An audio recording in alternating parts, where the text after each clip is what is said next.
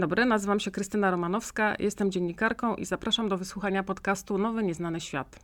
Razem z moimi gośćmi, autorytetami różnych dziedzin życia społecznego, rozmawiamy o tym, co dziś jest dla nas ważne, z czym się mierzymy i co nas czeka w najbliższej przyszłości. Obalamy mity, inspirujemy i dajemy wskazówki, jak żyć lepiej. Cykl realizowany jest dla NNO i Fundacji Nie Nie Odpowiedzialni. Dzień dobry Państwu, y, Krystyna Romanowska, Nowy Nieznany Świat. Witam mojego gościa. Y, jest nim dr Katarzyna Szumlewicz, filozofka z Wydziału Stosowanych Nauk Społecznych i Resocjalizacji Uniwersytetu Warszawskiego. I dzisiaj będziemy rozmawiali o zjawisku, którego się trochę boję. Tak generalnie bardzo się boję tej rozmowy. A pani, pani doktor? Y, ja się też boję zjawiska, o którym rozmawiamy. Boję się, że nas skancelują ale mam nadzieję, że do tego nie dojdzie. E, ja zauważyłam, ponieważ śledzę Panią na Facebooku, e, bo e, bardzo ciekawe pisze Pani rzeczy, zauważyłam tam taki wpis, który mm, bardzo mnie zainteresował. Ten wpis był pytaniem, czy potrzebujemy już podręcznika do życia w cancel culture. I pomyślałam sobie, że może byśmy w czasie tej półgodzinnej audycji napisały taki podręcznik, ale żeby go napisać, to najpierw napiszemy wstęp czyli y, powiemy o tym, co to właściwie jest to zjawisko, bo ono się toczy na naszych oczach, przybiera różne formy, różne są jego definicje, a jaka jest Pani definicja tego zjawiska? Y, cancel culture tak y, definicyjnie to jest rodzaj ostracyzmu społecznego, no dosłownie tłumacząc to jest jakieś wymazanie osoby z życia społecznego. Natomiast no, w tej definicji nie ma mowy o tym, że jak, jak agresywne to przybiera formy, E, I e, cancel culture e, bardzo często wiąże się też z groźbami dla danej osoby, z szantażami emocjonalnymi. Na celu ma wyeliminowanie kogoś z życia społecznego i taką cechą jakby mm, definicyjną cancel culture jest to, że ona nie posługuje się argumentami. Ona się posługuje uczuciami i to uczuciami urazy. Y, to, że ktoś się poczuł urażony czyjąś y, wypowiedzią i ten ktoś należy do jakiejś mniejszości, bądź uważa, że należy do jakiejś mniejszości, która jest krzywdzona, y, takie słowa, takie zarzuty traktowane są bez jakiejkolwiek procedury sprawdzającej. Tutaj mamy, mamy do czynienia z czymś takim, że ta uraza wystarczy. E, I, i ona, ona w ogóle nie pyta o, o wnioski, o argumenty, o logikę, takie no, starożytne wezwanie Horacego sapere aude, czyli odważ się posługiwać swoją mądrością, tutaj w ogóle nie ma, nie ma miejsca. E, oficjalnie cancel culture jest w obronie mniejszości czy w, w obronie osób, które, y, które y, doświadczają jakiegoś rodzaju wykluczenia, ale cancel culture samo jest y, zjawiskiem wykluczającym i wystarczy tutaj, wystarczy tutaj stwierdzenie, że ktoś się poczuł urażony bez analizy, na czym ta uraza mm, polega. I dla mnie mm, cancel culture wiąże się z kilkoma takimi fenomenami, no bo tak, cancel culture jest zjawiskiem bardzo mocno internetowym. To jest przede wszystkim wymazanie człowieka z y, mediów społecznościowych. Y, te kampanie kancelowe są na ogół y, przeprowadzane w internecie, ale cancel culture wiąże się dla mnie z kilkoma fenomenami, które są przedinternetowe właśnie, między innymi no, takim czymś, co się nazywa konformizm grupowy. E, tym, że, e, tym, że nie pytamy o rację, kiedy całe, całe jakieś nasze środowisko, czy cała jakaś grupa e, kogoś wskazuje do, mm, do wymazania. Ja tutaj w tych agresywniejszych formułach cancel culture widzę też elementy czegoś, co się nazywa osobowością autorytarną, czyli takie przekierowanie gniewu. Osoby, które doświadczają tego cancelingu, to są zazwyczaj osoby będące jakimiś ekspertami w danej dziedzinie, które, mm, wobec których no, istnieje zawiść, no, czy też mówiąc filozoficznie resentyment, ale nie są na samym szczycie. To są takie osoby, którym można zepsuć karierę e, i na tym zepsuciu się samemu jakoś, jakoś wylansować. I są to praktycznie zawsze osoby z lewicy. Cancel culture nie dotyka, nie dotyka prawicy, nie dotyka tych, którzy naprawdę wykluczają. Cancel culture polega zasadniczo, próbując tak zebrać te wszystkie, wszystkie jego przejawy tego zjawiska, cancel culture sięga tam, gdzie może, czyli kanceluje ludzi szeroko pojętej lewicy czy liberalnej sfery publicznej. I, no i tutaj, nie wiem, no jeszcze jakby jednym zjawiskiem bardzo mocno dla mnie powiązanym z cancel culture jest tak zwany oversharing, czyli y, to, że y, no teraz w sytuacji takiego skupienia życia w mediach społecznościowych, jeszcze spotęgowanego pandemią, istnieją osoby, które piszą o sobie wszystko. Jeżeli są to osoby neurotyczne, to przedstawiają swoje zaburzenia neurotyczne jako jakiś wzorzec odczuwania.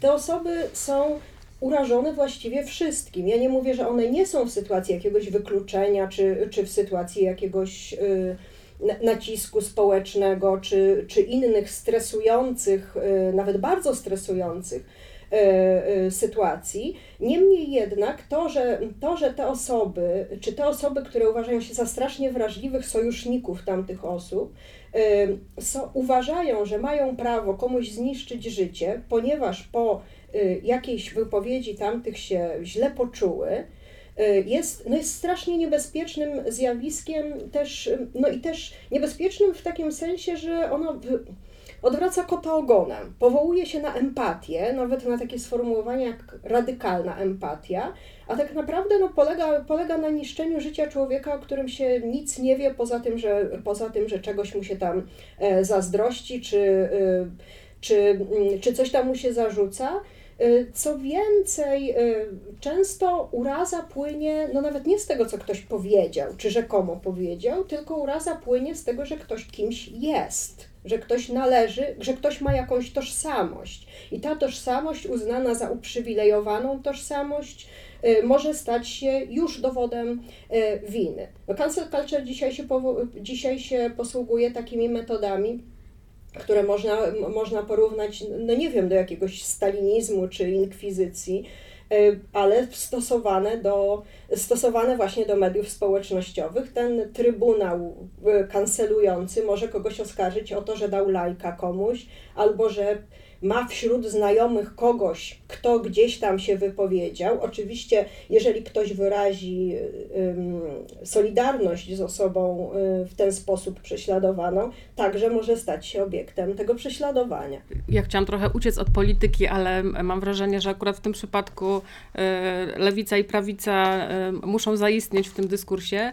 Natomiast chciałam zapytać też o poprawność polityczną, bo, bo jakby ja też obserwuję to środowisko cancelingu i ono przybrało tak ofensywne formy i jest tak dynamiczne, że wydaje mi się, że ta nasza poprawność polityczna, nad którą się kiedyś nie zgadzaliśmy, jest po prostu już jak taka, ja, ja tak sobie myślę, taka stara, dobra ciotka gaduła, która coś tam sobie mówi, ale właściwie już e, jakby ona niewiele znaczy. Jak się ma teraz cancel culture do, do poprawności politycznej? Czy, czy, czy cancel culture wyszła jakby z tej poprawności politycznej, czy ona jest jakąś efemerydą boczną, czy jak, jak to się właściwie ma do tego? Są tu jakieś, to jest ciekawe pytanie, są tu jakieś podobieństwa, ale zjawisko jest trochę innego typu, ponieważ tak, y, polityczna poprawność polegała na jakimś takim forsowaniu i czasem bardzo sztucznym, a czasem naturalnym wprowadzaniu do języka y, jakichś grup, rozpoznawalności jakichś grup, żeby domyślnym podmiotem nie był jakiś biały heteroseksualny mężczyzna. Broń tak? Boże. Po czterdziestce,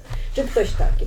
E, I, no i tutaj, e, i tutaj no były żeńskie końcówki, czy dodawanie, jaki, jaki ktoś ma kolor skóry, czy, no, czy nawet nie kolor skóry, tylko, tylko pochodzenie afrykańskie na przykład. No i takie rzeczy, no z tego się śmiano, ale częściowo no to, to się przyjęło i, i jest normalne, częściowo się nie przyjęło. Więc tutaj um, polityczna poprawność polegała na jakimś wkluczeniu kogoś mhm. do, y, do języka. Natomiast cancel culture polega na wykluczeniu. Mhm. Y, bo w politycznej poprawności nikogo, nikogo by nie raziło, że ktoś sam siebie definiuje mhm. jako kogoś, tak? Mhm. Y, natomiast tutaj mamy do czynienia z czymś takim, że mm, właśnie tej, tej wrażliwości. O cancel culture mówi się, że to jest kultura płatków śniegu, czyli tej wrażliwości, takiej nadwrażliwości, czy też takiej neurotyczności. No wszyscy mają jej słuchać, tak? Więc jeżeli, więc jeżeli ktoś się nie dostosuje w mówieniu o samym sobie, y, do, do tego, jak, jakie tutaj są wymogi tych y, hiperwrażliwych y, osób, to, no to ta osoba je osobiście obraża tak? I tu jest, y, i, i w ten sposób zasługuje na karę.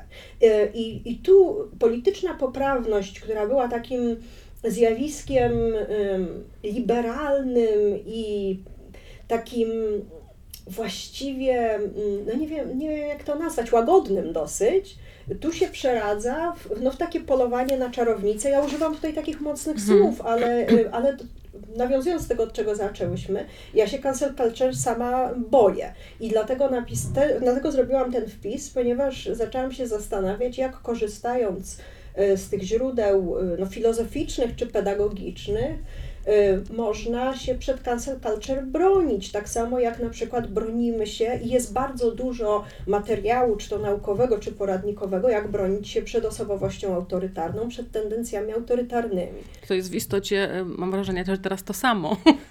To, co jest bardzo podobne, tak. Mhm. Y, bardzo podobne, chociaż, chociaż wobec innych osób, ale też polega no, jakby na takim właśnie autorytecie, któremu nie, można, któremu nie można odmawiać, tylko to nie jest jakby autorytet z góry, tylko to jest autorytet z samego, samego, samego dołu wszystkiego. Tak? Czyli autorytet mają ofiary ofiar, ofiary wszystkiego i ich głosu nie można w żaden sposób znaczy, no nie ma tutaj takiej, no takiego świeceniowego, czy takiego racjonalistycznego, czy jak to nazwać, przekonania, że oceniamy czyjąś wypowiedź po jej argumentach. Ta osoba ma równe prawo z innymi się wypowiadać, ale nie ma wyróżnionego prawa się wypowiadać. No jeżeli osoba uciskana, naprawdę uciskana, z dowodami na to, yy, której współczujemy, powie, że 2 plus 2 równa się 5, to nadal będzie nieprawda, tak? A tutaj mamy, że to jest rodzaj autorytetu, Zresztą spotkałam się z takim, spotkałam się z taką grafiką, w której, w której jest mowa o tym, żeby jak się, jak się ma do czynienia z osobą uciskaną, to żeby zamilknąć, słuchać pokornie, e, z, e, tolerancyjnie się odnosić do tego, że na przykład jest agresywna, bo ma do tego prawo. Więc tutaj jest takie robienie autorytetu z kogoś ze względu na pozycję przez niego zajmowaną. E, i w ogóle nie poddawania racjonalnej refleksji czy logi, logice e, tego, co mówi. No przecież osoba uciskana może chcieć uciskać innych. Tutaj nie ma żadnej, e, nie ma żadnej sprzeczności. No i jeżeli chodzi o autorytaryzm, no to zwolennicy Hitlera czy, czy innych faszystowskich przywódców na ogół byli krzywdzonymi dziećmi w dzieciństwie i ten gniew przekładali na dozwolone ofiary. No dobrze i powiedzmy, że to, to jest ten wstęp, w którym byśmy zawarły ten wstęp. I jak idąc sobie tutaj do studia, e, wymyśliłam sobie mój podręcznik do cancel culture i on byłby bardzo krótki. E, byłaby to jedna strona, na której było napisane schowaj swoje poczucie humoru do kieszeni i siedź cicho. Bo to, co dla mnie jest e, jakby najbardziej bolesne w tej kulturze, to oczywiście to, że ludzie kancelowani cierpią, ale też to, że to nas kompletnie pozbawia, pozbawia satyryków narzędzi, nas pozbawia poczucia humoru yy, i yy, czyni nasze życie bardzo ponurym i smutnym. Znaczy, zabiera nam jakąś taką ludzką potrzebę śmiania się, drw drwiny, nawet czasami bardzo ostrej. I to moim zdaniem nas kastruje jako społeczeństwo. Znaczy, kastruje nasze poczucie humoru. Yy, według mnie wyrządza nam się ogromną krzywdę tym. Tak, bo to jest rodzaj cenzury też. Y, I tutaj, y, no jak ja bym pisała ten podręcznik, no to bym też zwróciła uwagę na to, że y, cancel culture nienawidzi pewnych rzeczy. Między innymi nienawidzi poczucia humoru oraz nienawidzi metafor metafory są, są y, nie do przyjęcia. Cancel culture oczywiście sama też ma swoje poczucie humoru. Jest to takie poczucie humoru, że należy kogoś torturować, zabić, albo, zakopać w ogródku. Albo też, y, y, żeby wybrał sobie kolor liny, sznura, sznura na, którym, na którym zawiśnie. Tak. tak, więc tutaj takie, takie poczucie humoru mamy rzeczywiście, mamy bardzo dużo jego przykładów. No ale skoro osoba uciskana, czy jej sojusznik nie można krytykować, ponieważ ta agresja jest, jest uzasadniona, no to oczywiście trzeba spuścić wzrok przy tego rodzaju bardzo śmiesznych żartach i, i, i udawać, że się ich nie dostrzegło, ponieważ jeżeli się je dostrzegło, to się, to się staje po prostu przedstawicielem zbrodniarzy którzy też powinni wybierać ten rodzaj sznura sobie już. No i co by było w tym Twoim podręczniku? Po pierwsze, nie dołączać się do tych nagonek, nawet jeżeli, jeżeli nasze przesłodkie koleżanki czy koledzy y, się do tego dołączyli. Y, w, w ogóle unikać takich kolektywów, które to robią. No to tutaj jest właśnie taki paradoks, że one często się powołują na jakąś taką hiperempatię, a, są skłonne do, mm, do okrucieństwa. No mi się to kojarzy z takim opowiadaniem Michała Choromańskiego, gdzie pani bardzo wrażliwa wrzuca żywą rybę na patelnię, ponieważ nie jest w stanie jej zabić. E, I tutaj, e, więc, więc tutaj jest taki paradoks, że to są często e, grupy ludzi czy osoby, które strasznie lubią się powoływać na swoją hiperempatię. No więc takich, takich, ja, takich osób unikać, tak? takich, takich klimatów unikać, nie dołączać się do, nie dołączać się do tego kancelowania. I tutaj nie chodzi o to, że się kogoś lubi czy nie, bo ja też nie, nie przepadam za takimi sposobami pocieszenia, że ktoś wysyła serduszka y, tej osobie, bo osoba, która, która jest poddana y, temu, temu zjawisku kancelowania, nie musi być sympatyczna. Ona ma po prostu swoje prawa, nie musimy jej lubić. Y, możemy bronić jej prawa do, do wypowiadania poglądów, z którymi się sami zresztą nie zgadzamy. Tylko, że ona ma to prawo, tak? E, I tutaj, więc, więc tutaj ja bym uznała, że to, to sapere aude, to odważenie posługiwania się własnym rozumem e, jest kluczowe, tak jak zresztą zawsze było, bo sprzeciwia się zarówno mm, konformizmowi, jak i irracjonalizmowi.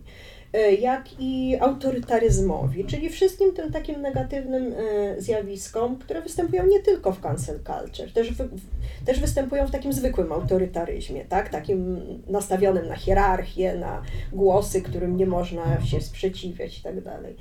E, I tutaj jakaś solidarność, ale właśnie nie taka solidarność, że trzeba od razu robić taki team kontra y, y, tamtemu, tylko, tylko taka solidarność, że po prostu każdy ma prawo do, y, każdy ma prawo do głosu, każdy ma prawo do swojej tożsamości, każdy, każdy ma prawo do, do tego, żeby czuć to, co czuje. E, I znaczy, no ja też, mnie trochę drażni takie skupienie całkowicie na uczuciach. To jest jakiś, to też jest jakiś rodzaj e, irracjonalizmu. Znaczy, oczywiście uczucia są ważne, ale jeżeli porzucimy właśnie logikę, to, no to się z tego robi y, przerzucanie się na to, jak komu się zrobiło przykro. A, ktoś, a komuś się mogło w ogóle nie zrobić przykro, a, a, a ma rację, tak? Znaczy rozmawiamy trochę o mediach społecznościowych i rozmawiamy o tym, co się dzieje w internecie, ale moim zdaniem w życiu takim realnym ja kilka razy, nie wiem jak pani, kilka razy złapałam się na tym, że w towarzystwie pewnych osób pomyślałam sobie, o, ale tutaj lepiej nie mówić tego, co myślę, ponieważ... Yy, nie wiem, co się może wydarzyć, ale może się wydarzyć coś, co będzie towarzysko mało przyjęte, bo się nagle okaże, że jestem persona non grata, bo mam trochę inne e, poglądy. I tu moim zdaniem ta cancel culture wchodzi trochę do naszych głów. I nie wiem, czy pani też miała coś takiego, że w jakimś towarzystwie, pani, pani pewnie nie, bo pani jest odważna, ale że, że jednak zakładamy sobie jakąś taką cenzurę już w, już w głowie, mimo że to wszystko się dzieje w mediach społecznościowych, powiedzmy w przestrzeni wirtualnej, ale ma to przełożenie na przestrzeń realną. Znaczy, no niekoniecznie się dzieje w, w mediach społecznościowych. Ludzie z powodu cancel culture tracą pracę na mhm. przykład. Y, I, y, I to jest bardzo realny problem, ponieważ pisane są na nich donosy, oczywiście przez bardzo empatyczne osoby, tak. Y, I to ja sama bardzo lubię poczucie mówienia tego, co myślę. I to, i to, jest, y, to, to jest dla mnie suma Nikt summarum, pani tego nie odbierze.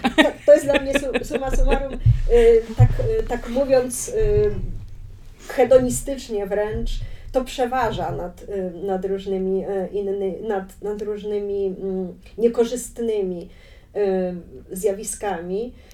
Ale, ale oczywiście rozumiem, o czym Pani mówi, i to jest faktycznie, no jest, jest taki strach, w ogóle y, przed, przed y, w pewnych środowiskach jest strach w ogóle przed y, podkreśleniem jakby swojej indywidualności. Te, tego, że w ogóle ma się zdanie odrębne, a nie jest się elementem jakiejś siły, która ma naciskać wszystkich dookoła w, jakichś, w jakimś zestawie spraw, które są w danym momencie y, najgłośniejsze. Mnie się jeszcze jedna rzecz tutaj y, bardzo nasuwa. Mamy czas? Mianowicie w ogóle pojęcie tutaj mniejszości czy nienormatywności. Cancel culture zrobiła z, z byciem mniejszości, mniejszością czy nienormatywnością, zrobiła fetysz.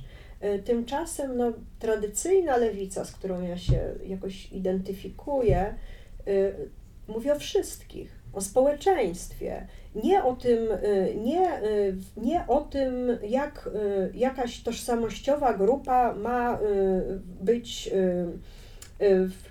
wyemancypowana, tylko jak wyemancypowani mają być wszyscy, co oczywiście nie może się obejść bez emancypacji którejkolwiek z grup. Ale, ale tradycyjna lewica, no na przykład no w tym podstawowym takim przykładzie, pracownicy kontra właściciele środków produkcji, pracownicy to jest większość.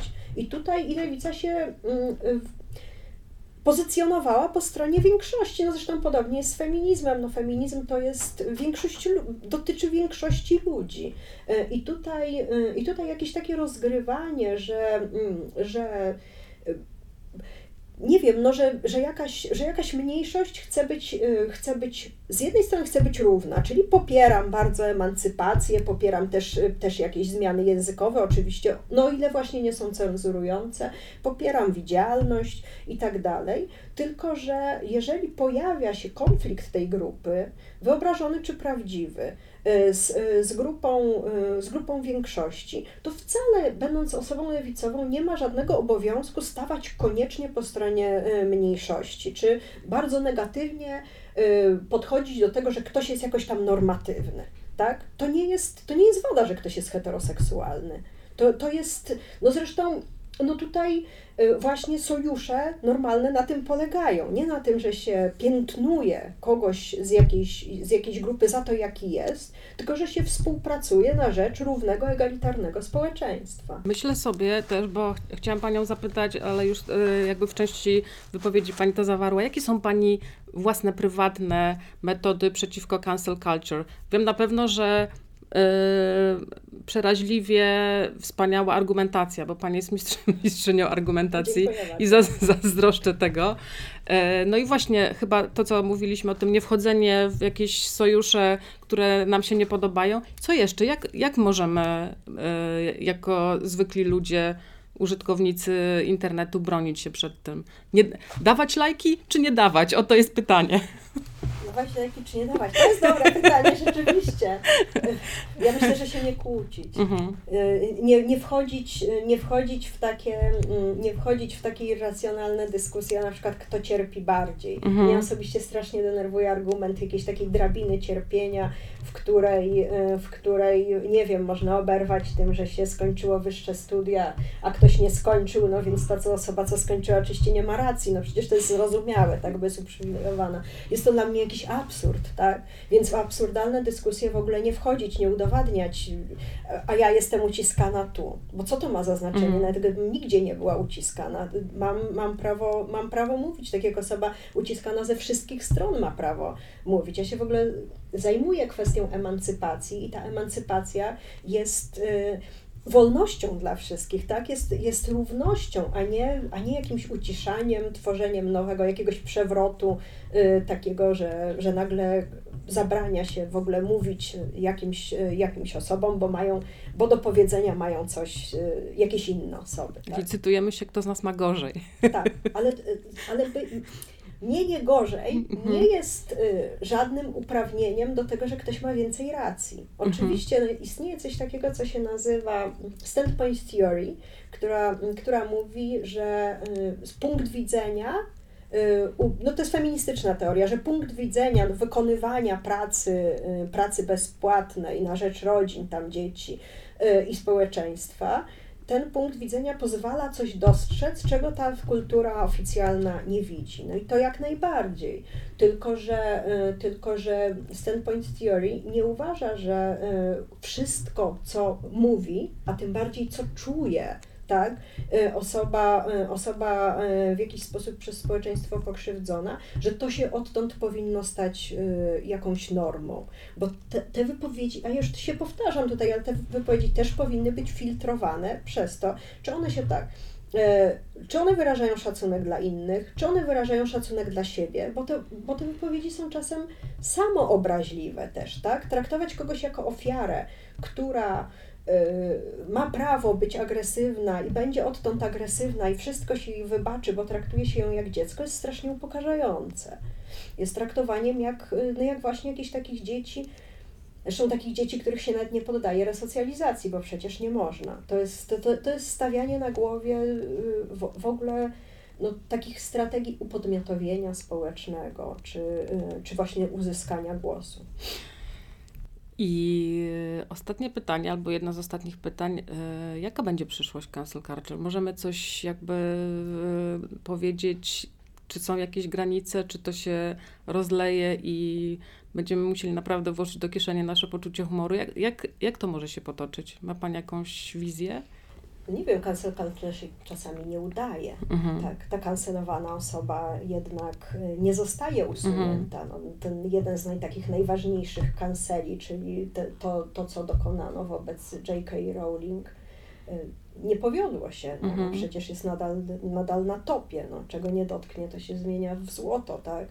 Y, już pomijając to, że się nacierpiała, tak? tym, że do tej pory te ataki na nią trwają, ale, ale tutaj nie. Cancel culture natraf, natrafia czasami na, na, na granice. No właśnie, kancelowanie nie dotyczy zazwyczaj osób mało znanych. Ono się, y, ono się właśnie ono przybiera taki zewnętrzny pozór właśnie lewicowości, takiej rewolucyjności, że, że zrzuca, z, zrzuca z piedestałów mhm. y, y kogoś, kogoś kto, y, kto był wysoko, kto, kto był uprzywilejowany. Natomiast no, w rzeczywistości nie, tak? To nie są to, no, nikt nie kancelował na przykład Trumpa, nie wiem, czy, czy, czy takich postaci. E, tu, to, tutaj e, to, to dotyka osób zarazem wrażliwych, jak i będących jakimiś autorytetami i zazwyczaj samych pochodzących z grup, e, które się wyemancypowały dosyć niedawno. No dobrze, i już teraz na pewno ostatnie pytanie. A jaki jest Pani sposób na hejt? To znaczy, bo y, pewnie doświadczyła Pani, tak jak każdy, kto uczestniczy teraz trochę w życiu publicznym, pewnego rodzaju cancelingu po prostu zostawia do pani i uważa pani, że pani to nie dotyczy? Nie, no dotyka mnie oczywiście, tylko że y, tutaj y, powracając do tego, co na samym początku powiedziałyśmy, y, dla mnie y, obroną jest poczucie humoru, tylko rzeczywiście trochę się boję z tym poczuciem humoru wychodzić do, do świata.